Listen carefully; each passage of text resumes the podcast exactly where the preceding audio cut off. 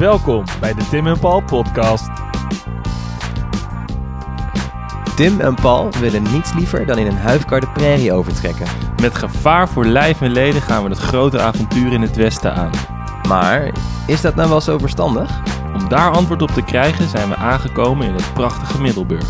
We zijn vandaag de gast bij de RIAS, het Roosevelt Institute for American Studies. We gaan het over Amerika hebben. En wie kunnen we daar nou beter voor vragen dan vriend van de show, Maarten Zwiers. We spraken in seizoen 1 met Maarten over Jesse James en de Outlaws. Nu gaan we het hebben over de frontierthese, Disneyland en Red Dead Redemption. Ja! Paul, we zijn in Middelburg vandaag. Ja, klassieke stad hè? In het archief. Ja.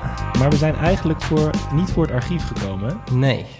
Nee, we hebben een oude bekende te gast. En trouwens, Paul, voor de luisteraar. Je klinkt net wat anders dan normaal. Ben jij een beetje verkouden? Een kleine, kleine verstopping, ja. Oké. ja, ja dus mijn, ik hoop dat mijn stem overslaat naar zwoel en kalmerend voor de luisteraars. en niet paniekzaaiend, maar ik denk dat het goed komt. Maar het is geen corona, toch? zeker niet. nee, zeker, nee. Oké.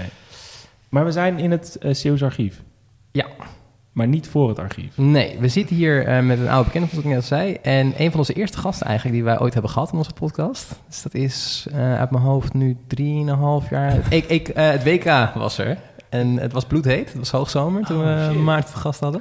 Ik heb de naam net al, net al gezegd. En eh, toen hadden we het over ehm, Cowboys. En Jesse James. En Jesse James. En de Bushwhackers voor de goede luisteraars. Ja. Dat we nog, Oh, ja, nog ja, weten. ja, En John Model. Ja. Ja, John Model. Eh, en nu gaan we het een beetje, nou niet, niet precies hetzelfde hebben natuurlijk, dat zou zonde zijn, maar Nee. we gaan in de, iets groter trekken naar... Ja, want een van de dingen die toen ter sprake kwam eh, was de frontierthese. Eh, en dat behoeft misschien nog wel wat meer uitleg. En dat is misschien een mooi, mooie aanzet om het eh, te hebben over ja, die fase in de geschiedenis van Amerika. En de ontwikkeling van een idee, maar misschien ook wel van een land. Mhm. Ehm, dus laten Dus- we beginnen. Dr. Maarten Zwiers, Ja, welkom. dankjewel. Welkom in Middelburg. Op het eh, Roosevelt Institute for American Studies, dat tegenwoordig in het Zeeuws archief zit. Eh, ja, de frontier. Ja, waar, waar moeten we beginnen? Wat is er? Ja, wat ja, is goed, waar moeten we beginnen? Ehm, kijk, de, de frontierthese, die is eigenlijk ontwikkeld door een, eh, door een historicus, Frederick Jackson Turner. En ehm, die heeft in 1893, als ik me goed herinner, een eh, speech gehouden voor de American Historical Association, waarin hij eigenlijk de frontier, ehm, dus de grens die constant opschoof naar het westen, ehm, dat dat eigenlijk een, een centrale factor is in de vorming van een Amerikaanse identiteit. Dus dat is een frontierthese, maar dan moeten we natuurlijk eerst uitleggen wat de frontier is. Ja. En dat kun je misschien het best doen door een frontier te vergelijken met een border. En een border, dat is een grens en die ligt vaak vast. Hè? Dus de border between Mexico en, en de United States. Uh, maar een frontier, dat heeft iets dynamisch. En dat is iets wat, wat opschuift. En, um, en Turner had het idee van dat is echt de kern van waar Amerika om draait. Uh, en daar is wel wat kritiek op gekomen na afloop, want er zijn wel meer landen die een frontier hebben, Australië bijvoorbeeld en Zuid-Afrika. Um, dus um, de these tegenwoordig wordt hij niet echt meer gezien als uh, dat hij wetenschappelijk houdbaar is, maar het is wel een, uh, een belangrijke factor geweest in, in de Amerikaanse geschiedenis. Want, moet ik het dan zien dat, het, dat die deze echt zo'n soort idee als de Duitse zonderweg was? Zo van, dit is iets wat de Amerikaanse geschiedenis uniek maakt. Ja, toch? precies. Ja, ja. Zo van, dit is alleen in Amerika. Mhm. En, en wat je eigenlijk zegt, in Australië was een frontier, in Zuid-Amerika... Of Zuid-Afrika. ja, sorry. ook wel in Zuid- Zuid-Amerika trouwens, ook landen daar hebben frontier gehad. En, en, maar is, is die these dan wel toe- nog steeds toepasbaar als een soort van breder ding waar het gaat over, Mhm. noem het, je mag, je moet opletten eh, met, met de woordkeuze, maar het in Ja. kaart brengen van de, de rest van het land misschien? Ja, goed. Het, eh, het idee van dat Amerika een uniek land is en, en een soort van speciale missie heeft op deze aardbol en dat het heel erg gelinkt is aan die frontier, daar, daar is tegenwoordig wel het een en ander op aan te merken, ook na vier jaar Trump. En dat het toch misschien niet het land van de vrijheid en democratie is en gelijkheid. Ehm, maar ja, als je dus de geschiedenis van Amerika eh, bekijkt en je gaat terug naar de periode van eh, ja, dat de, de 13 koloniën gesticht werden. Ehm, dat werden uiteindelijk de 13 staten van, van de VS. Ehm, daar begint eigenlijk ook dan de frontier. En al die staten lagen aan de oostkust. En, en wat spreken we over eind 18e eeuw? Eind 18e eeuw, ja. Dus um, Amerika, uh, of de, de koloniën, die vechten een oorlog in. Het begint in 1776 en dan 1783, dan uh, zijn ze onafhankelijk van de, van de Britten. En dan begint het verhaal van de Verenigde Staten. Um, en dat is een verhaal, dat schrijven ze zelf. Hè, dat dat the United States wrote itself into being. Uh, en, um, en dat gaat altijd heel erg over bepaalde idealen die gekoppeld zijn aan de verlichting. En dan, um, ja, dat gaat om uh, het individuele vrijheid en een, een semi-democratisch politiek systeem. En, en het idee dat Amerika van nature een goed land is, dat ook op een bepaalde manier door ja, door God beschermd wordt. Hè? Het idee van de city upon a hill. Dat is een beetje de, de mix altijd. Uh, enerzijds. nog iets verder uitleggen, de city upon a hill? Ja, nou, je hebt dus aan de ene kant heb je dus het, het verlichtingsdenken, waar Thomas Jefferson bijvoorbeeld heel erg mee bezig was. Die hele founding father generation eigenlijk waren heel erg beïnvloed door, uh, door de verlichting en uh, ook ja, gewoon de renaissance, dat soort zaken. Mm -hmm. um, dus je hebt de, de ratio die voortkomt uit de verlichting. En dan heb je anderzijds ook die religieuze uh, tendens. Uh, want Amerika is ook een land waar veel religieuze vluchtelingen terechtkwamen, die dus uh, bijvoorbeeld vanuit Engeland, die ja. van de Church of England waren afgescheiden. Dat waren trouwens behoorlijk fundamentele, fundamentalistische. Ik heb meteen dat idee van mannen met baarden en, en karren, toch nog steeds? Ja, dat zijn de Amish en dat is ja. Pennsylvania Dutch. Um, dat is weer een andere groep. Maar die eerste groep, die eigenlijk, dat zijn de Puritijnen, die vonden eigenlijk dat de, de Church of England, dat was een soort van corrupte bende geworden. En dat moest allemaal. Ja, dat moest, Terug naar het geloof misschien. Precies, en het moest het allemaal veel, het moest puur zijn. En al die franje die daaromheen hing, dat was fout. En dus die, die, die vertrekken uit Engeland, die komen eerst in Leiden terecht. Ja. En um, uh, we zijn hier trouwens heel erg ver weg van de frontier. Maar goed, uh, die komen, in Leiden. We, we komen er wel weer achter. Ja. Maar um, uh, dus die komen in Leiden terecht. En ja, dan, dan. Die mensen zijn heel erg bang dat hun kinderen. ook door die vrije Nederlandse cultuur. dat, dat, dat die kinderen helemaal gecorrumpeerd werden. en het voor galg en rat zouden opgroeien. Dus toen zijn ze op die Mayflower gestapt. en zijn ze naar Amerika vertrokken. En uh, ja, ik zeg altijd, dat is een beetje de, de, de Taliban van de, van de protestantse kerk. Dus dat zijn super uh, fundamentalistische christenen die, uh, die dan in, in de regio New England terechtkomen. Um, en die zijn ja, heel erg bijbelvast. En, en die zien dan Amerika als een soort van nieuw Canaan of een nieuw beloofd land. Hmm. Waar ze dan in de wildernis, hè, net als het volk Israël, dan hun weg moeten zoeken.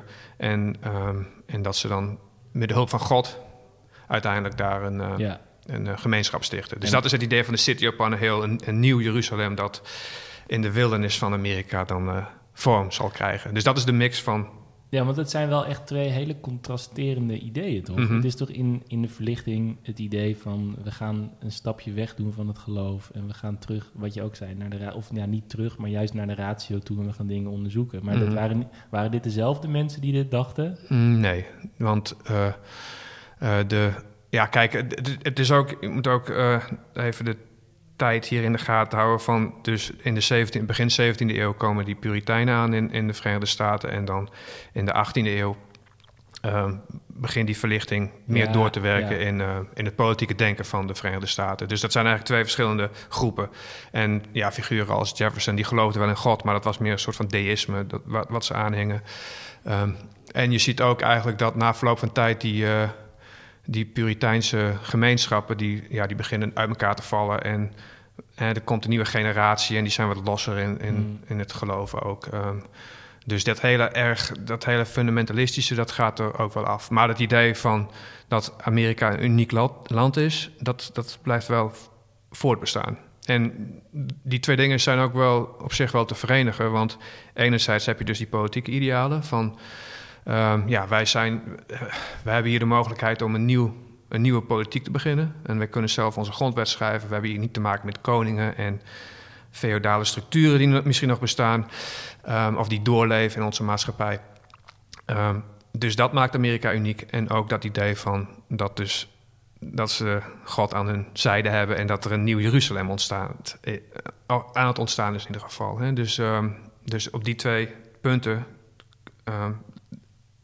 die twee dingen benadrukken gewoon heel erg het unieke karakter van, uh, van de Verenigde Staten. Ja.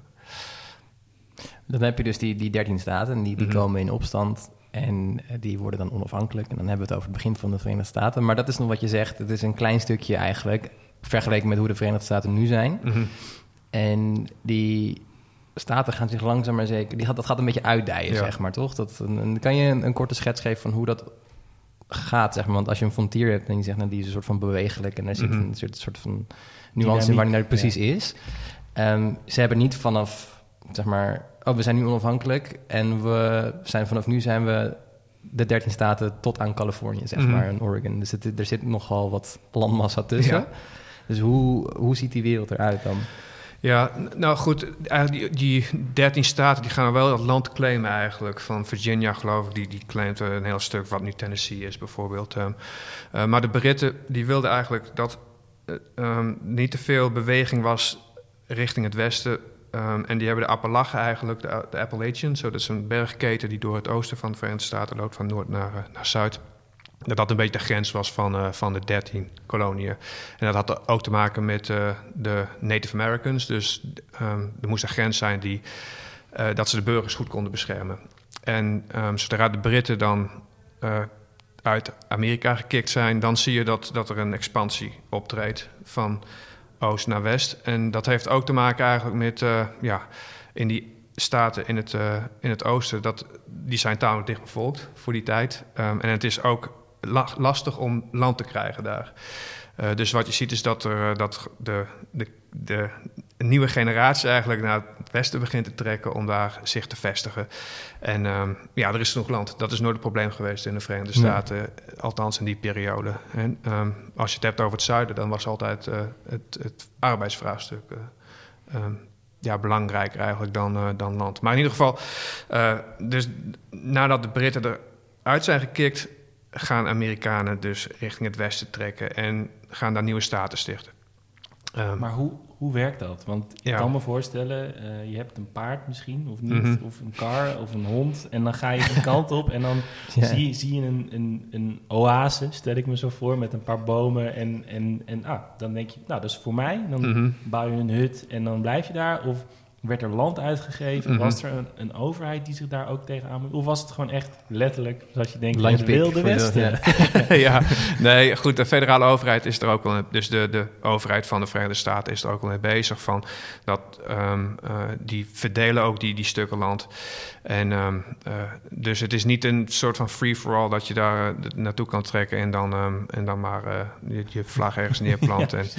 en, je ziet ook dat, het, kijk, het proces van staatsvorming in de Verenigde Staten, dat, dat doorloopt een aantal fases. Dus je bent eerst word je een, een territory en dan kun je ehm, een verzoek indienen om staat te worden. Dus er zit wel een soort van ja, beleidsvorming omheen, laat ik het zo zeggen. En ook die, dus, ehm, die, die nieuwe staten die zijn heel erg geïnteresseerd natuurlijk in, ehm, in, in het aantrekken van nieuwe burgers. Ja. Eh, dus eh, zodra Tennessee bijvoorbeeld ontstaat, dan zie je ook dan, dan zeggen ze van ehm, hier kan iedereen stemmen. Nou ja, iedereen, dus alle witte mannen, dat is dan. eh, Dat is dan ja, iedereen op dat iedereen op dat moment, ja. Ehm, en er, zijn geen, er worden geen eisen gesteld aan hoeveel bezit je hebt. En dat was bijvoorbeeld in South Carolina, in, in die oude, in van die oude staten was dat wel het geval.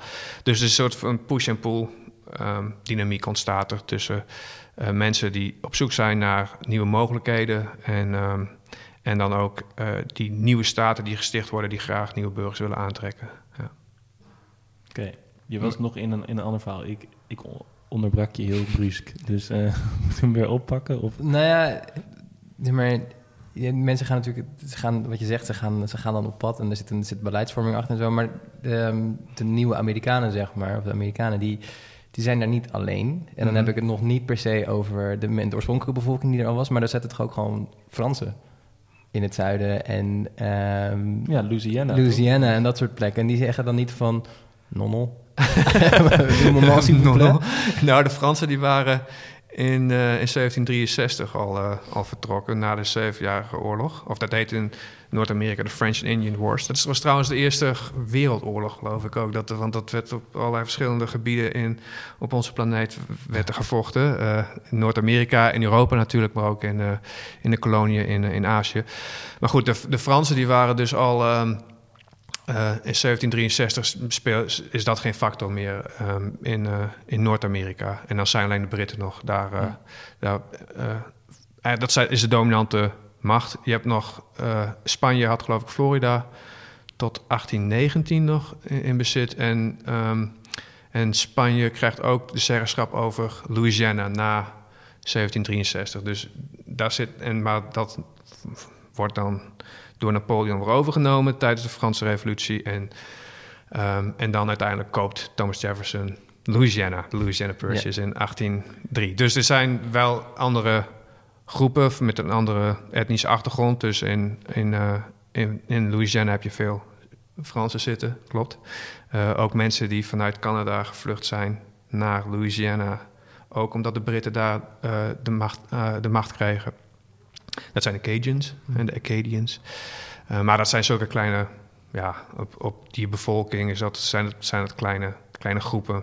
En de Cajuns in, in Louisiana, die zaten ook allemaal in die swamps. En dat, die waren heel geïsoleerd. Dus nou, ja, fantastisch voedsel trouwens. ja, dat is zeker waar. Mag, ja, ja. mag gezegd worden. Gambo. En, uh, maar, maar het is toch ook een beetje de vraag um, hoe etnisch dat is. Als je zo'n mm. soort hele grote stuk land op zo'n kaart Frans. Maar dan kan je toch ook afvragen, nou dan wonen Fransen, maar dan komen ook gewoon andere mensen. Ja. Dus het is niet zo, zo homogeen als je zou denken. Toch? Nee, ja, ja, goed, die kaarten, dat is um, wat natuurlijk veel van die uh, figuren zoals, uh, nou ja, Columbus en Hernando de Soto en dat, die, die, die, die trekken naar Noord-Amerika. Dit is veel, vroeger, dit is al 15e eeuw, hè, en begin 16e eeuw, en die, die nemen dan de vlag mee en dan planten ze die ergens in de grond. En dan zeggen ze van dit is nou van, uh, van koning Lodewijk XIV. En vanaf, vanaf de Mississippi rivier tot aan de Pacific.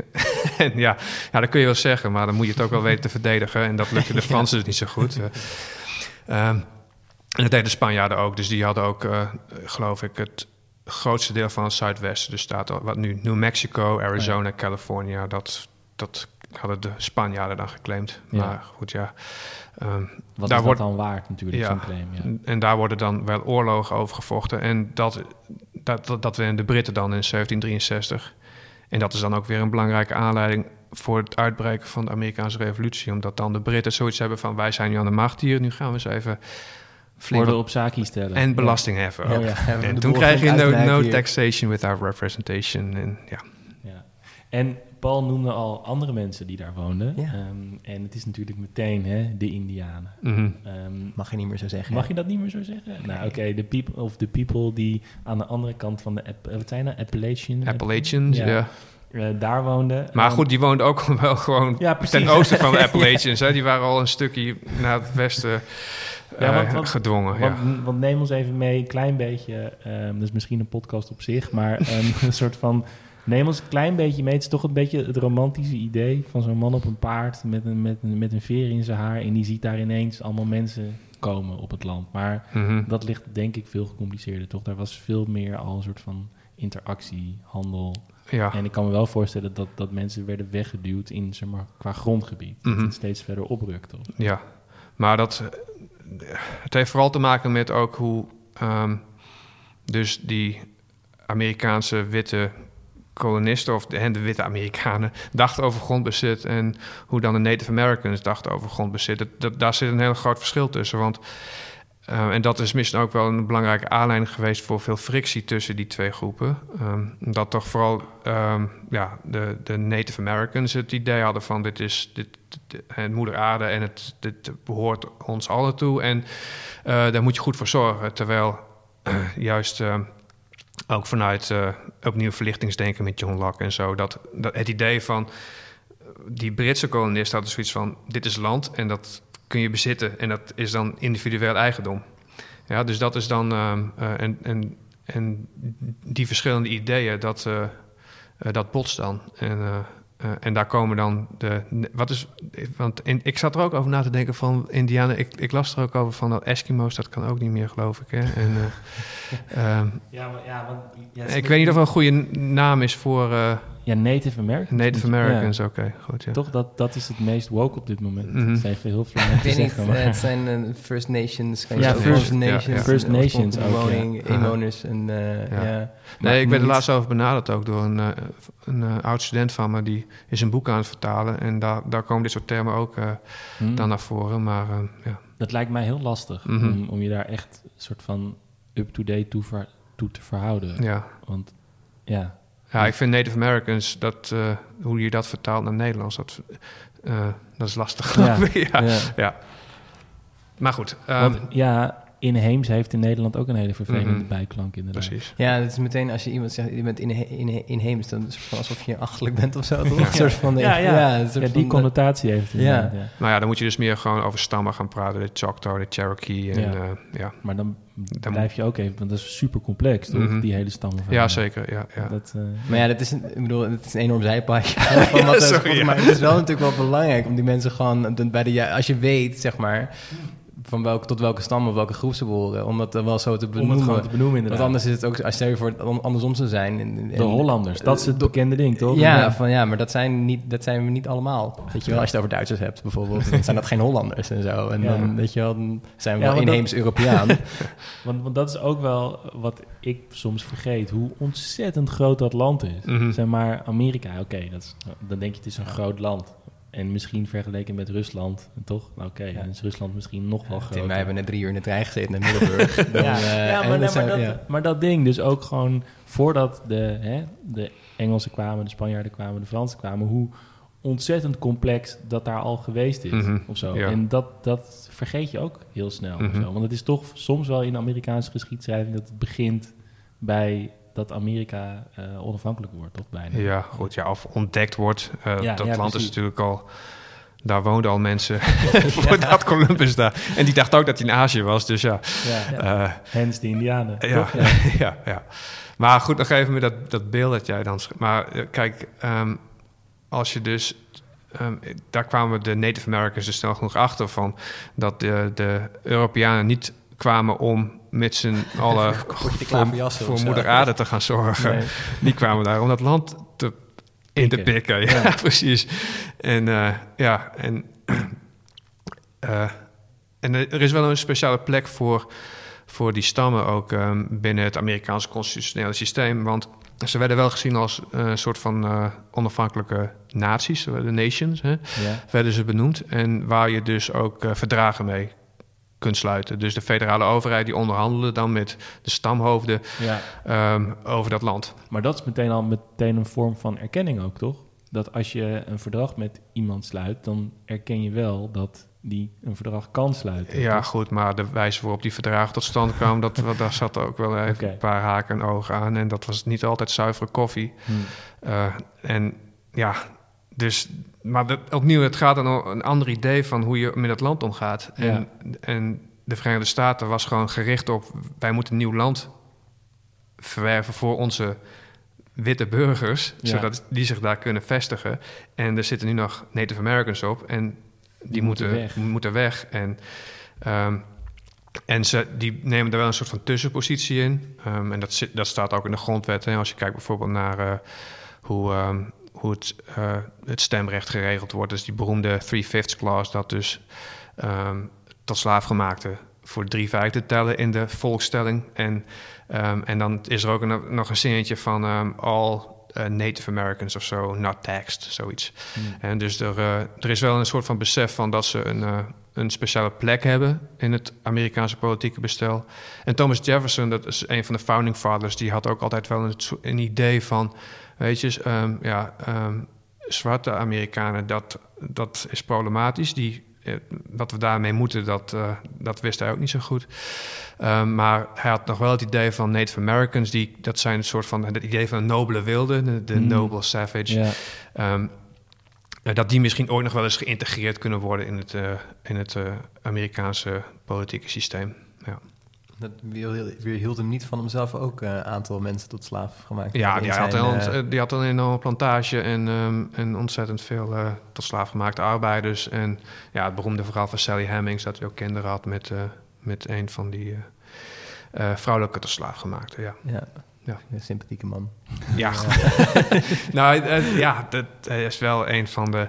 Hij is, is natuurlijk een belangrijk persoon geweest in de stichting van, van de VS. En net als in Nederland met Willem van Oranje, dat soort mensen worden op een voetstuk geplaatst. En ehm, nou goed, daar is nu wel wat meer discussie over. Ook van eh, wat nu eigenlijk. eh, Ja, het wordt snel heel eendimensionaal, toch? Dan Mhm. zie je alleen maar de goede kant. Ja, en ja. dan wordt het- Nou, wordt toevallig hebben we er een serie gemaakt over stambeelden en Ja. eh, of we ze Oh, moeten laten goed. staan of, Ja. eh, of niet. Dat, er maar bij. Ja, Dus goed, ehm, dan Ja, weer nu- ja, terug nog naar even de, frontier. Ja, ja. Want zeg maar, we hebben het nu, nu zeg maar de wetenschappelijke these een beetje verkend. eh, Uh-huh. Maar ik ben ook wel benieuwd naar hoe dat praktisch ging. Want je hebt het Mhm. gehad over een opschuivende grens. ja. Zijn er nou momenten te noemen waarin het weer een stuk verder ging of zo? Mhm. Een soort veldslag of dat ze bij een bepaalde plek aankomen. Je wordt ook heel vaak de treinen toch genoemd in deze Ja. hele context. Van, hoe ging dat?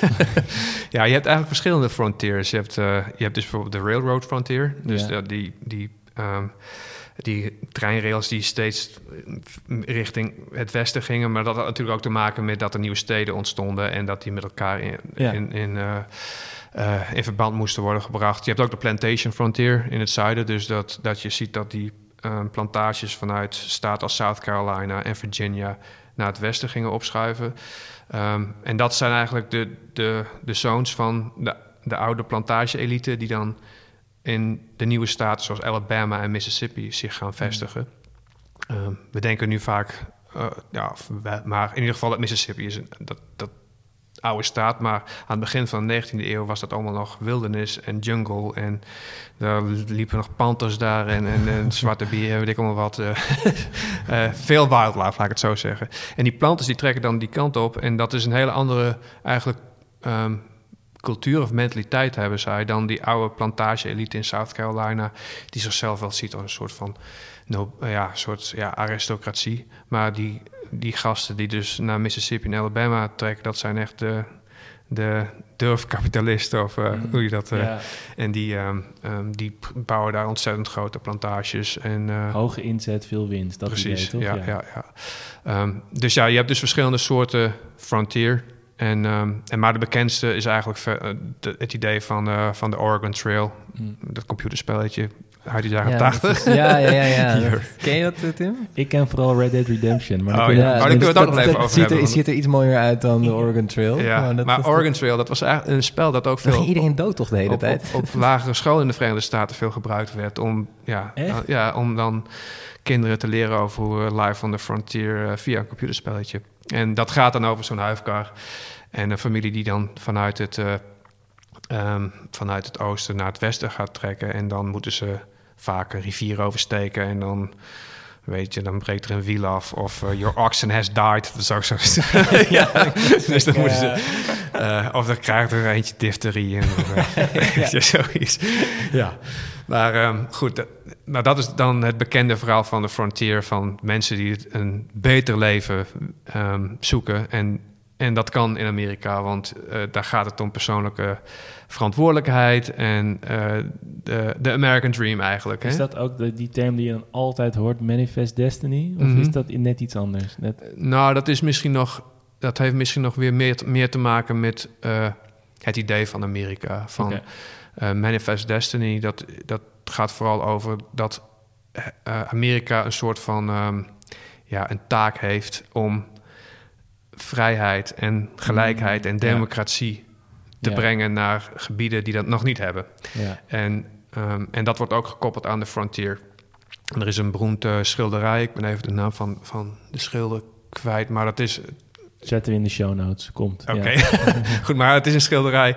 Ehm, eh, je ziet erop een engel, of het is eigenlijk Lady Liberty, dus dat is de verbeelding van, van Amerika, van het Ja. idee van Amerika, van vrijheid. En ehm, die begeleidt dan zo'n groep van huif, huifkarren eh, richting het westen. En, eh, en het is een hele, ja, alles zit erin eigenlijk in dat schilderij. Dus eh, misschien kun je dat ook nog op de website bij. Ja. Maar ehm, het, het- je ziet dus aan, aan de rechterkant van het schilderij dat, is, dat zijn de witte settlers en die trekken naar het oosten. En dan daar zijn allerlei soort van ehm, eh, symbolen van beschaving eh, zijn eraan gekoppeld. Dus je ziet een, een, een, een stad en je ziet treinen en, ehm, en boeren die op het land aan het werk zijn. En de zon schijnt daar. En dan aan de linkerkant, dus dat is nog het onontgonnen gebied, daar zie je dan eh, eh, bisons en een groepje Native Americans en een soort van ehm, een paar bergen en daar is het donker. Dus dat is, dat is eigenlijk het idee van met de komst van die Amerikaanse settlers wordt ook een nieuwe politieke cultuur eigenlijk in die gebieden geïntroduceerd. En, ehm, en dat is dan het idee van dat, dat, dat is gebaseerd op vrijheid en gelijkheid en ook eh, civilisatie. Hè? Dus we gaan deze volken, volken Daar zit een heel sterk beschavingsideaal in, Ja, toch? ja. Dat, dat dan zij de beschaving komen Mhm. brengen. Ja. Dat is er nog steeds, toch? Over het Ja, ja. ja. Maar dat is een kenmerk wel van, van heel veel van die white settlers eh, society, zou je kunnen zeggen. Dat is in, Nederland had ook datzelfde idee in, in eh, Nederlands-Indië van eh, de ethische politiek bijvoorbeeld. Hè, Ja. van dat, dat er dus een soort van eh beschavingsideaal ook aan vastzit. En misschien over honderd jaar kunnen we dan de Indonesische bevolking ehm, Vrijlaten. vrijlaten, Ja. want dan zijn ze Dan zijn goed ze goed opgevoed. op- op- ja, ja. precies. Ja, ja. Dus. Dat, dat, maar dat is het idee van Manifest Destiny. En dat wordt een populair begrip in de jaren 1840. Eh, ook, dat wordt verspreid via kranten ook. En ik geloof dat er ook een... Volgens mij is zijn naam John O'Sullivan. ehm, dat is een redacteur van een krant. En die introduceert of die maakt dat begrip ook populair. En ehm, het wordt ook populair eigenlijk op het moment dat de Verenigde Staten weer aan een nieuwe ronde van expansie begint. eh, met de oorlog tegen Mexico in 1846. En dat duurt twee jaar. En die oorlog wordt door, eh, door Amerika gewonnen. En, en dan komt er weer een nieuw land vrij. Ja. Ehm, Californië en ehm, eh, New Mexico en Arizona, die gebieden. Ehm, en, eh, en dan, dat wordt dan ook weer gekoppeld aan Manifest Destiny van deze gebieden behoren aan de Verenigde Staten toe, want wij gaan daar goede dingen doen. Met een cirkelredening. Ja. ja, precies. Ja, laten we eerst even oorlog voeren en Ja, dan komen we... ja, eerst, eh, gaat- ja, ja. maar ja, weet Ja. je, dat is wel het bijzondere aan Amerika, van dat er altijd een, ja, er moet altijd een soort van hogere missie en, eh, aan vastzitten, vaak als er, een, als, er een, als er agressie plaatsvindt, ja.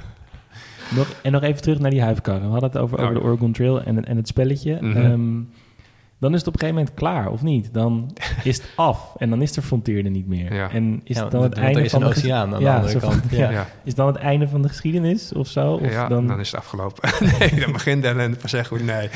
Eh, ja, die frontier, dat, dat duurt dus... eh, nou, ze beginnen dus eind eh 18e eeuw met de expansie naar het westen. En dat is dan eind 19e eeuw is dat afgerond. En, ehm, eh, ja, en dan komt dus die frontierthese, wordt dan geformuleerd door, eh, door Turner. En, ehm, en die gaat dan ook wel nadenken over van, ja, wat, wat nu? Want ja, ehm, hoe houden we dit land dynamisch? Want het is juist die frontier die Amerika jong houdt en dat die... ons tot grote hoogte heeft gebracht. Ja, precies, Als je het koppelt aan je identiteit als Ja. land en op een gegeven moment, nou ja, dit was het dan. Ja, afgelopen. Dan- Ja, dan is toch bijna hetzelfde als zo, als zo van als de muur valt, stopt de, stopt de geschiedenis Ja. van Mhm. West-Europa, toch? Ja, nou Ja. goed, ja, dat is wel een these geweest Ja. natuurlijk van Fukuyama. Maar, eh, maar ehm, oké, ja goed, dat is dus eind, eind 19e eeuw, eh, 1893 eh, spreekt hij die reden uit en dan ehm, een paar jaar later begint Amerika natuurlijk de oorlog tegen Spanje. en, eh, en dan wordt Cuba bevrijd. En, en de Filipijnen. gebracht En, en, ja, eh, dus de frontier wordt dan verplaatst van Noord-Amerika naar andere delen van de wereld. Eh, Is de- er nu nog steeds een frontier? eh, goeie vraag. Ik, misschien dat het... Misschien bij de terugtrekking uit Afghanistan. Ja, nou ja, ik weet niet of dat of een frontier zich ook weer terug gaat trekken. Eigenlijk, dat is een beetje het tegenovergestelde van de frontier, heb ik het idee. Ehm, ja, er zijn wel vaker natuurlijk eh, een foutje gemaakt eh, als je het hebt over Vietnam. Maar dat is ook wel weer zo diezelfde gedachte achter. Ja, gaan- toch? Ja, wat- zo van, van in Vietnam is het communistische gevaar in de Mhm. Tweede Wereldoorlog misschien ook. Zo van, Ja. moeten we ook de beschaving brengen? Europa heeft het verknoeid. We, Ja. we komen ze wel helpen. Mhm. Nou, dus Vietnam, Korea misschien ook, waar het dan nog wel misschien lukte vanuit Amerikaans perspectief. Ja, misschien, ja, goed, ja. Afghanistan, Irak, toch? Dat Ja. zijn wel, is wel allemaal hetzelfde, hetzelfde soort idee zit Mhm. erachter. Ja. ja, het idee van dat je dus eh, in een gebied, ehm, maakt niet uit waar, die waarden waar Amerika voor staat, dat zijn universele waarden, dat vinden de Amerikanen zelf hoor. Maar, en die kun je dus overal introduceren en, en, en dan moet de lokale bevolking dat wel oppikken. Ehm, dus dat was ook het idee achter eh, de oorlog in Vietnam. Van ehm, ja, we gaan daar een soort van Amerikaans systeem invoeren. Uh, Lyndon Johnson was toen president en die kwam uit Texas. En, en die snapte er echt geen. Die, die snapte dat gewoon niet dat die dat Vietnamezen niet die dat. Geen Coca-Cola wilde. Hij had het vooral over. ehm, hij was heel erg bezig met het bouwen van, eh, van, van ehm, dammen in de Mekong-rivier. Van, en dat, want dat was in Texas, had dat heel goed geholpen met het brengen, het, het krijgen elektriciteit en dan konden mensen televisie kijken. En dus eh, dat had, had hij in zijn achterhoofd zitten van ehm, Dammen. dammen, dammen bouwen. En ehm, dat kwam ook voort uit een New Deal-gedachte. Dat is eigenlijk toen Johnson politiek actief werd. Dus hij dacht van, nou, dat vond Texas hartstikke leuk, dus waarom Vietnam niet? Eh, en ja, dat, en die gedachte, dat was eigenlijk een hele soort van, ja, bijna eh, niet idealistisch, maar meer materialistisch ook. Ehm, maar als je kijkt naar Irak en, ehm, en het idee van de Bush administration van nu gaan we Saddam daar, eh, die dictator, die gaan we daar ehm, verdrijven. En dan gaan we daar ook een soort van Amerikaans systeem invoeren van dat mensen daar ook kunnen gaan stemmen. En, Hmm. eh, maar dat heeft, dat, daarmee houden ze natuurlijk helemaal geen rekening met eh, lokale tradities. En, ja, dus dat, maar daar zit wel weer die frontier en manifest destiny gedachte eigenlijk achter. Ja, van, want eh, het idee moeten- van wij ja. zijn bijzonder en wat wij komen brengen is eigenlijk moeite het waard. goede, het, het Ja. greater good eigenlijk. Een verkapt communistisch idee. Bij alles wat we Ja, het zijn allebei universalistische ideologieën. Ja. Communisme en het... eh, Manifest Destiny. ja, het, Idee. ja, precies. Ja. Ik ben een aantal jaar geleden ben ik in... eh, dat is de enige keer dat ik in de Verenigde Staten ben geweest... om niet op een, verschrikkelijk, verschrikkelijk vliegveld over te stappen... naar een ander eh, beter oord. Maar dat, ik ben een keer in St. Louis geweest. Mhm. En dat je denkt, waarom ga je in vredesnaam... Het is eh, heel specifiek. Het is heel specifiek om naar St. Louis, maar ik was daar met, ehm, met de universiteit. En Oh. met uh, Weile, Herman Belien waren we daar. Hm. En St. Louis is een van die plaatsen waar zeg maar, het, de grote meute wegging, toch? Ja. En, en, en wat ik daar merkte is, je hebt die, die grote boog Mhm. daar, eh, daar staan. Voor de mensen die Red Alert 2 hebben gespeeld, die weten waar ik het over heb. Ehm, en die zijn nog steeds daar ondanks alle andere problemen die daar, ik geloof de murder capital van de Verenigde Staten een aantal jaar geweest zijn, maar nog steeds zitten daar vol de pompen op van, nou ja, wij zijn een bijzondere stad omdat hier mensen weggingen of zo. Mhm. En het is best wel gek dat je dan loopt te koketteren met, wij zijn de plaats waar mensen vertrokken, zeg Mhm. maar. En, en dat het toch in die, nou ja, in die geest van die, van die stad, zoveel jaar later, zoveel 150 jaar later, nog steeds is van, ja, dit was heel belangrijk omdat we hier de boel eh, aangezet hebben tot Amerika wat het nu is. En ook al heeft St. Louis zeg maar een beetje de afslag gemist Mhm. en die lopen een beetje achter, is het nog steeds heel erg te merken daar. Niet alleen in musea, of in, in, maar gewoon echt letterlijk op straat overal. En de, de Lewis en Clark Expedition die daar Ja, gegaan is en zo. is toch best wel vreemd ook, toch? Mhm, ja dat is de, gateway to the west, hè, dat idee van... ehm, ehm, maar ik, ik weet niet of ze echt...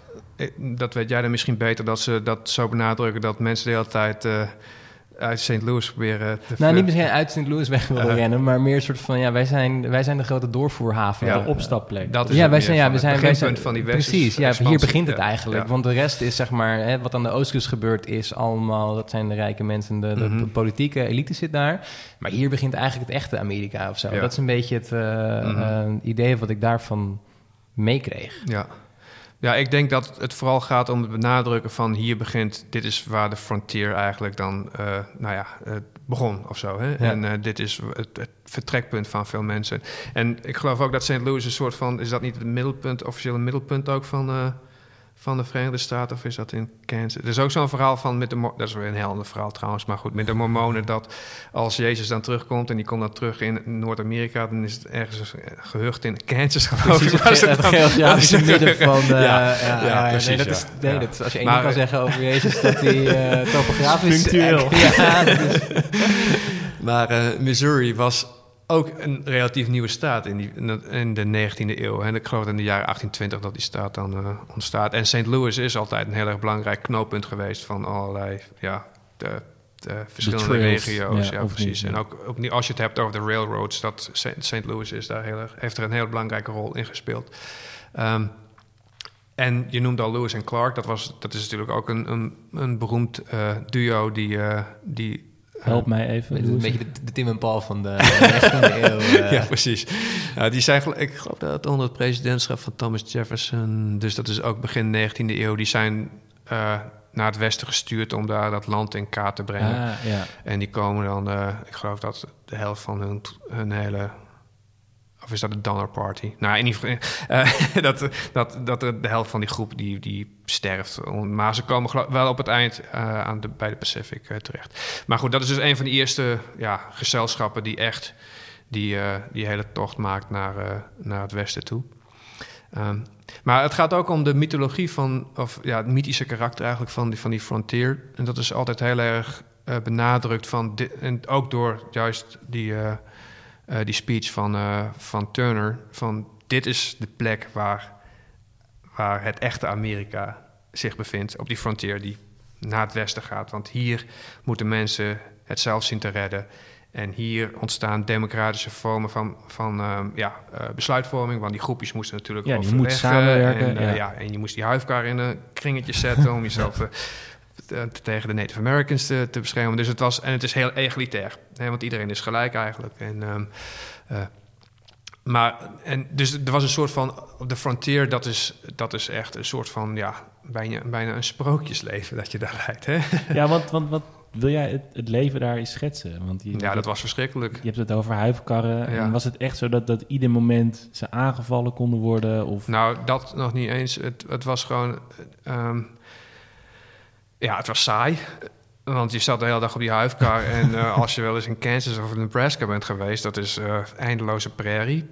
Ehm, het was eh, gevaarlijk. Want ja, naast het feit dat je kon aangevallen worden door, door oorspronkelijke bewoners.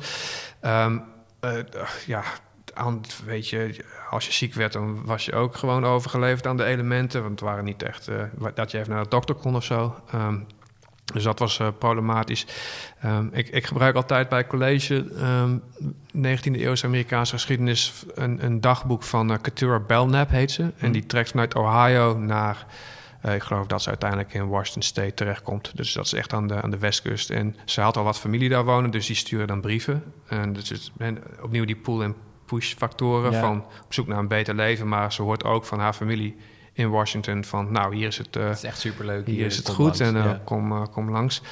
Maar ja, dan, dat verhaal van haar is gewoon... De hele, ja, ze zit de hele dag op die huifkar en, ehm, en, dan, en dan af en toe dan, ja, sterft er een kind. En weet je, dus dat is, het, is, het is helemaal niet, niet, niet leuk. En Nee.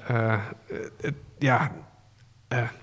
eh, en dat vergeten we, of dat vergeten Amerikanen geloof ik heel vaak, van dat, dat die frontier, het was gewelddadig. Het had te maken met, ja, het, was gewoon een vorm van imperialisme, van eh, het land inpikken. En de mensen die dat, eh, eh, daar speelt het leger ook een belangrijke rol in, maar de, de, de, gewoon de, de normale burger die die overtocht ging maken, dat was niet een soort van schoolreisje van... eh, ehm, Laten we het land eens bekijken. ja, laten we eens even een tochtje door Amerika gaan maken. En dan komen we uiteindelijk eh, gezellig in, eh, in Washington State uit. Ehm, En, en dan vervolgens was je op je plek van bestemming. mhm, En dan kwam je ergens aan. Er stond misschien een huis of niet. ja. Maar het beeld wat ik daarvan heb is eigenlijk alleen maar uit films. Hmm. Dat je dan zo'n klein houten huisje op de prairie letterlijk ziet. Ja. Maar dan een vrouw in zo'n jurk met zo'n ding op de hoofd. Ja, met zo'n met zo'n geweer buiten, buiten staat, toch? Van, ieder moment kunnen ze komen. ja. Maar ik, ik kan me voorstellen dat het daar dan wel gewelddadig was. Maar ik kan me niet voorstellen dat je dan iedere avond belegerd werd en de paarden gestolen werden. toch? Nee, dat, eh, dat lijkt me ook een beetje uit, over het, dat, het was gewoon een hard bestaan op, op de frontier. Van dat je, eh, als je dan ergens ging vestigen, ja, dan moest je zelf je, je boerderij bouwen. En dan moest je jezelf in leven zien te houden. Nou, dat was... eh, Dat lijkt me pittig. Ja, en als je een staat als Minnesota, daar is het in de, in de zomer wel goed uit te houden, maar in de winter, dat, dat is gewoon eh, niet fijn. Als je daar tussen de sneeuwstormen en in je tochtige huisje. ja, Ja, je houdt hut. Ja. ja, precies. Ja. Dus ja, dit, de, de frontier, als je dat woord hoort, dan denk je vaak aan cowboys en, eh, en spannende avonturen, maar het was meestal. Ja, eh, ik, ik heb een associatie met Disneyland. Disneyland? Ja, die hebben in... eh, Space Frontier. die hebben, nee, die, die hebben hun... eh, Disneyland Parijs is dat in ieder geval. Die Ah. hebben hun... eh, Frontierland. Ja, Ja. die hebben hun park opverdeeld in verschillende gedeelten. Dat is heel goed Nederlands. Eh, in verschillende gedeeltes. En één daarvan is Frontierland. En als Ja. je daar binnenkomt, dan, eh, nou ja, dan is inderdaad, dan zijn daar de cowboys. En daar Mhm. is eh, de, de, Een saloon. de saloon. En de, de achtbanen daar zijn van die... ehm, ik weet niet Ja. of dat officieel een af- achtbaan dan is. Maar dat zijn dan van die dingen die in het water vallen. Weet je, van die boomstammen waar Oh ja, in moet precies. zitten. ja. En, logs. de- ja, precies. En dat soort dingen. Dat je denkt, ja, is, dit is ook natuurlijk niet helemaal historisch... Logisch, Mhm. niet helemaal historisch correct. Maar dit is wel daadwerkelijk zo'n sterk idee achter van die Frontier... dat, dat een megabedrijf als Disney Mhm. denkt van... nou, dit is bekend genoeg voor mensen om dit te plakken op een gedeelte van ons park. Ja. ja, nou, kijk, als ik Disneyland eh, de verhalen van Katura Belknap als leidraad had genomen... was Een heel saai park, heel saai. ja. Een soort van Kom hierheen met je kinderen. platte prairie waar ja. dan een, eh, een, vijf huifkarren overheen rijden, En doorheen kinderen rijden. dood neervallen, ja. of onder een wagenwiel terechtkomen. En dus, eh, maar dat idee wat wij van de Frontier hebben, dat ontstaat ook aan het eind van de 19e eeuw. Ehm, en, ehm, je, dus je hebt de academische component met, met Turner en de Frontier these. Maar er zit ook een soort van ja, populaire eh, element in. Ehm, en dat heeft vooral te maken ook... We hebben het over Jesse James gehad de vorige keer. Ja. eh, die een soort volksheld werd. En dat had te maken met eh, de opkomst van de, van de dime novel. Dat zijn hele goedkope stripboekjes eigenlijk. Mhm. en, en, en, en daarin wordt hij neergezet als een soort van Robin Hood. Een andere belangrijke figuur hierin is eh, Buffalo Bill. ja. En die... eh, Hele bekende naam toch ook? Hè? Ja. Buffalo Bill. Het is Ja. Beatle-nummer toch ook? What did you kill? Ja. En, eh, en die begint eh, de Wild West shows. En dat, die zijn super populair. En dat gaat heel erg over van cowboys. En die gaan er vechten met, met, eh, met indianen. En, ehm, eh, ja, en dat is eigenlijk dat geromantiseerde beeld van de, van de frontier, van avontuur. En, eh, Ja, ehm, die komt ook naar Europa en ja, zo, precies. Die, dat, dat, we- dat we hier dan een beetje het beeld krijgen van... nou, die Frontier, dat, daar wonen de echte mannen en de echte vrouwen die... eh, ja, ja. ja. dat wordt een soort van... eh, hij is ook nog in Nederland geweest. En, ja, dus dat, op die manier komt dan ook dat beeld van de, van de, de frontier... als een soort van avonturenland naar Europa. En, en Disney die... eh, Maar, Maar maar, weinig difterie in de Ja. Disney. Difterieland. maar, maar cowboys zijn toch ook... Dat is ook zo'n soort misverstand, toch? Cowboys zijn niet mensen die met indiaan vechten. Nee. Cowboys zijn toch mensen die dagenlang achter koeien aan hobbelen. Toch? Dat is toch, Ja, toch, ja, het is toch gewoon- compleet iets anders Mm. dan de helden van de frontier. Ja, nou ja, goed. het- De, de, de mensen die met de Native Americans vechten, dat zijn, de, dat zijn vooral de, de, de legers van, Ja, de, van, de, van de, of de, de soldaten.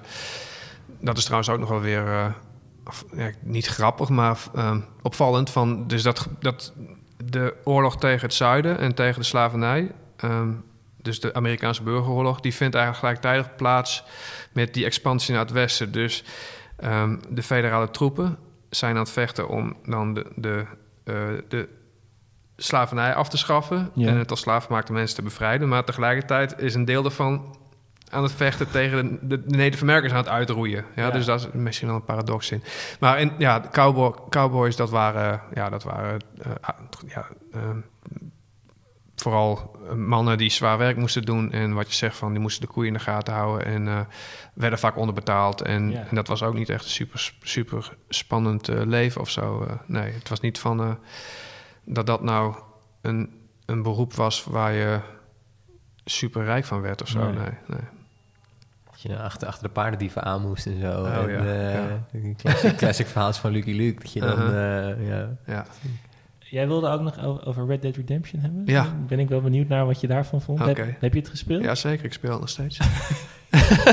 ik heb de, eh, dus de story mode gedaan. Eh, dus dat is het gewoon het spel Ja, ja, zelf. ja. Maar ik speel het nu ook eh, online. Oké. En ehm, ja, nou ja, dat is eigenlijk begonnen tijdens de, Ja, de lockdown. de, lockdown. Ja. En toen- Maar, maar wat Oké, ik, sorry.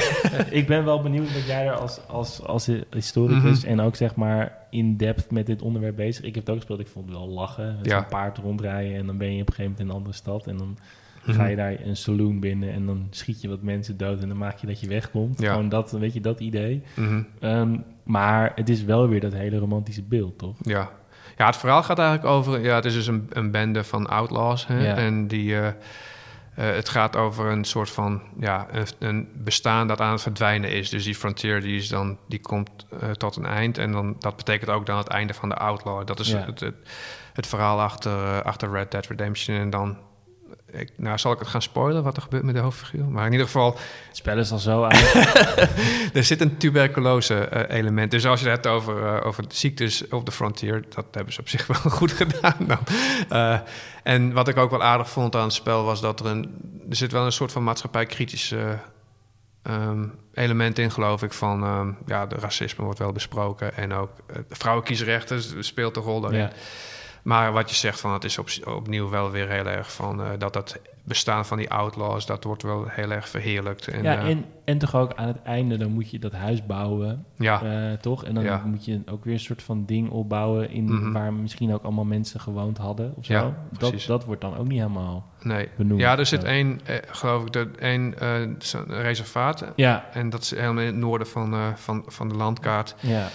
En daar kun je ook je geweer niet gebruiken. Hè? Dat, hebben ze, ook speciaal. Nou ja, goed. ehm, eh, maar ja, dat, dat huis bouwen, ja, dat is... ehm, Dat is toch weer heel soort van typisch voor Mhm. dat je naar het westen gaat. Je, bent, eh, je hebt het gehaald, je bent even outlaw geweest. Ja. Je bent tot inkeer gekomen. Je hebt nu een familie en een kind. En dan Mhm. moet je een huis gaan bouwen. ja, maar het is wel... dat, dat is de droom, zeg maar. Ja, toch? Ja. Maar het is wel een bouwpakket, hè? Het is niet een... eh, Ikea, alle letteren. hij, is- hij gaat niet zelf die bomen omzagen. Dus Nee. dat vond ik wel grappig eraan, van dat ze dat wel aardig hadden gedaan. Van dat er een soort van... Dat commerciële van, eh, element van de, van de frontier. En het, het, het was... Want dat, ja, dat ja, je vertelde, dat vind, Mhm. vind ik heel spannend. Er is dus een soort van commercie rondom de trek naar het westen. Ja, ja, het zijn vooral ook grote bedrijven die heel erg geïnteresseerd zijn in die expansie. Want het, het gaat ook om grondstoffen. Ehm, dus het was nooit echt een eerlijke competitie tussen ja, ehm, de gewone burger en, dan, en de grote bedrijven die, eh, Hmm. die ook een, een rol spelen op de frontier. En dan heb je het in eerste instantie over de spoorwegbedrijven, die natuurlijk land nodig hebben om die, om die rails aan te leggen. En, eh, en, eh, en grote cattle ranches, dus dat zijn die grote eh, boerderijen waar, eh, waar veel ehm, koeien worden gehouden. En cowboys werken. Ja, precies, ja. En die, nou, dan wordt prikkeldraad uitgevonden en dan is Ja. het ook eh, tabé voor de cowboy. Ehm, maar ook oliebedrijven. En, ehm, Wacht even, sorry. de- de- Vanwege de prikkeldraad zijn er geen cowboys meer. nou ja, daar kun je dus gewoon een stuk prikkeldraad om je, om je land heen En dan zetten. lopen ze niet weg, en dan lopen die koeien niet meer weg. Dus dan Ah, ook- heb je ook geen cowboys meer nodig. En ook eh, mijnbouw. Dat is ook een... eh, ja, dat, dat zijn ook ja, bedrijven die niet echt het... eh, het belang van hun werknemers nou echt voorop hebben staan. Nee, nee, Zeker niet tijdens die periode. En, en in het spel ga je dan naar een winkel toe waar je een prefab huis koopt. Maar Mhm. was dat zo? Of was dat aan de frontier echt dat je, wat je zegt, dat je een boom moest zoeken en Mhm. planken van maken? En- Dat hangt een beetje af van de periode, geloof Ja. ik. Van dat, die, dat hele, ja, de... Want dat is ook super eh, ja, mhm. commercieel, toch? Dat je dan zo'n zo'n prefab IKEA-huis koopt. Ja, Dat is- precies. Ja. ja. Maar dat duurt wel een tijdje, hoor. Van, ehm, in eerste instantie ben je wel gewoon op jezelf aangewezen. En ehm, eh, kijk, de, wat ze noemen de market revolution... dat, dat begint eigenlijk in de jaren 1830...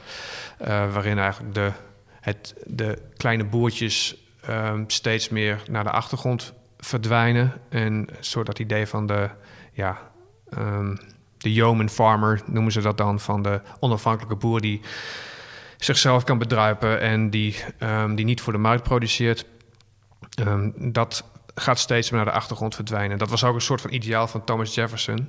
Ehm, dat eigenlijk Amerika een, een land moest worden van, van vrije boeren. En daarom was hij ook heel erg bezig met steeds meer nieuw land kopen. Want Ja, dan konden steeds ja. meer mensen daar met een boerderijtje aan de gang. dus dat is, dat is ook het idee achter de Louisiana Purchase. Van ehm, we gaan dat hele grote stuk grond kopen van Frankrijk.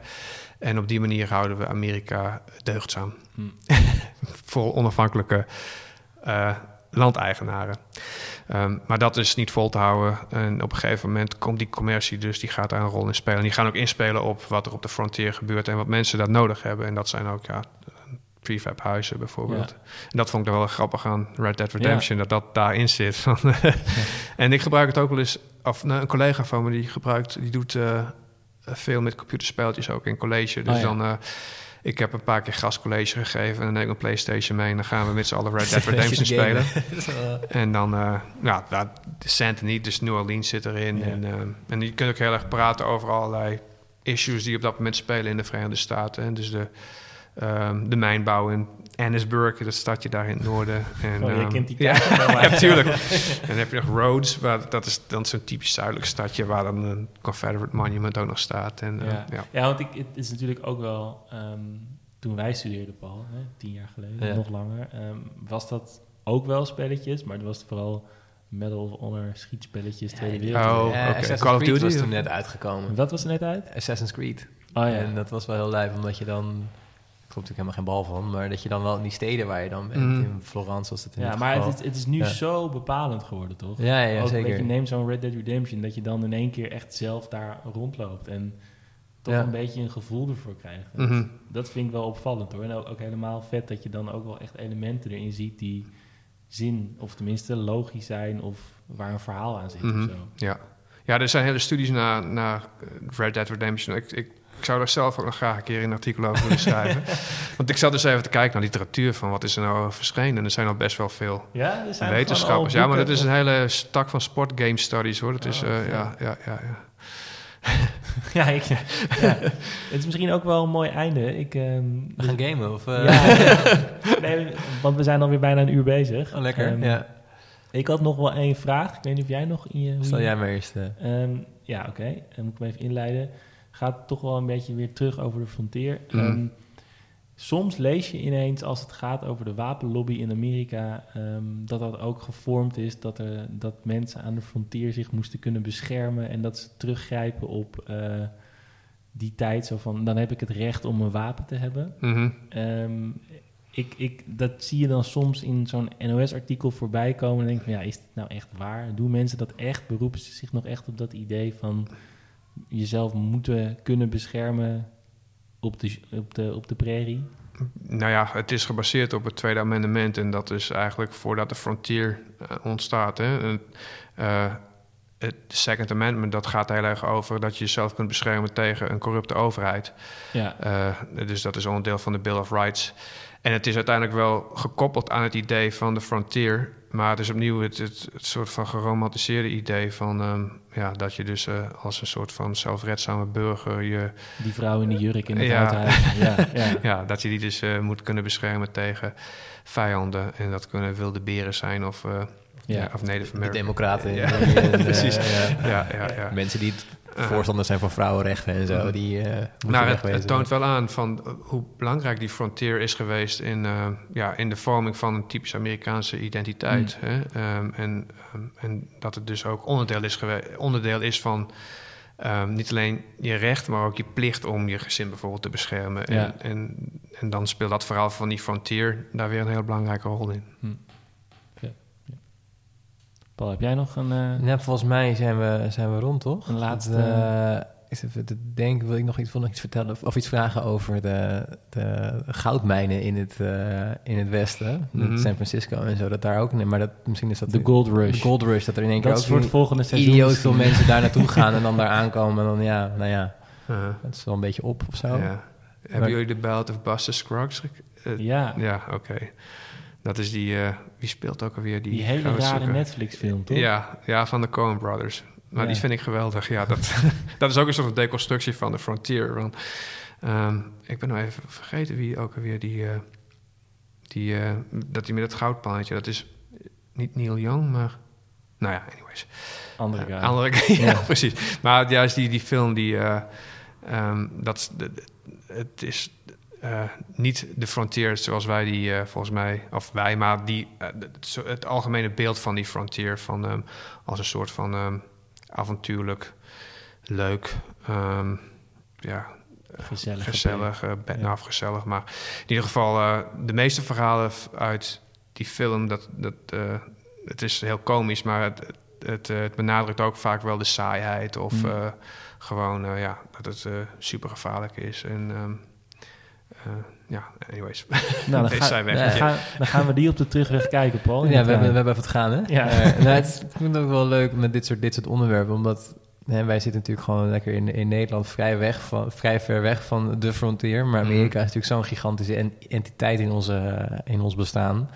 Dat iedereen er wel een soort van beeld bij... Hè? Vorige keer, waar we het natuurlijk vorige keer ook over hadden... dat er kinderfeestjes met dat je vertrekt, als cowboy... ja. en dat het toen, toen was het het ding dat het niet meer mocht in Tivoli. Ik weet niet of je dat nog, eh, nog Ja. weet. En Ja. Johan Derks daar heel erg boos over werd, zoals Mhm. wel vaker over dingen. Ehm, maar dat het een soort van weer zo'n verhaal is van... dat je als historicus soms moet optreden van... Ja, maar zo leuk was het eigenlijk helemaal Nee. niet, weet je wel. Dat is natuurlijk een soort van constante in ons werkveld... dat je dan altijd een soort van... ja, maar eigenlijk zijn heel veel mensen dood. Zo, weet je wel. Zo, dit is zo'n zo'n typisch voorbeeld daar, eh, daarvan. Ja, want, want het blijft ook leuk om Red Dead Redemption te spelen. Ja, en het blijft leuk om naar Disneyland te gaan. Om in die, in die boomstammetjes te gaan zitten, weet je. Zeker, Is prima, ja. niks mis mee. Nee, maar dan moet er ook misschien een component zijn van dat je... En ik weet niet of Disneyland daar nou... eh, het verdienmodel van Disneyland een soort van... eh, Of dat daarvoor ruimte laat, ja. nee, een soort van kritische noot over dat je net in je boomstam eh, naar beneden bent ge- gegleden... en dat, dat je dan nog even door het museum moet over de genocide tegen de Native Americans. Dan, eh, Ja, dan- daarvoor gaan mensen niet naar Disneyland. Maar het is Nee. wel belangrijk dat dat verhaal ook ja. verteld Ja, nee, wordt. ab- absoluut, absoluut. Dat er natuurlijk ja, net zo goed bij. ja. Dat, ja. Maar er is wel meer aan te merken op Disney, toch? Nee, het is een perfect bedrijf waar nog nooit iets misgegaan is. Nee, nee zeker niet. Right, ehm, Dankjewel. dankjewel weer. Maarten Graag. voor de, voor de tweede keer.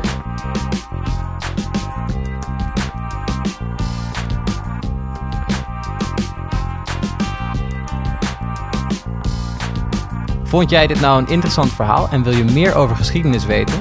Hou dan onze Instagram in de gaten. We zouden het ook heel leuk vinden als je een recensie achterlaat. 5 sterren, mag gewoon. En heb je nou een vet idee waar we het over kunnen hebben? Slide dan in onze DM's. Durf gewoon te vragen. Tot de volgende. Groetjes thuis.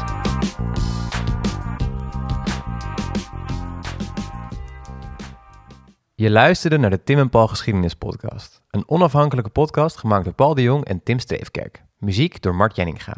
Alle rechten voorbehouden.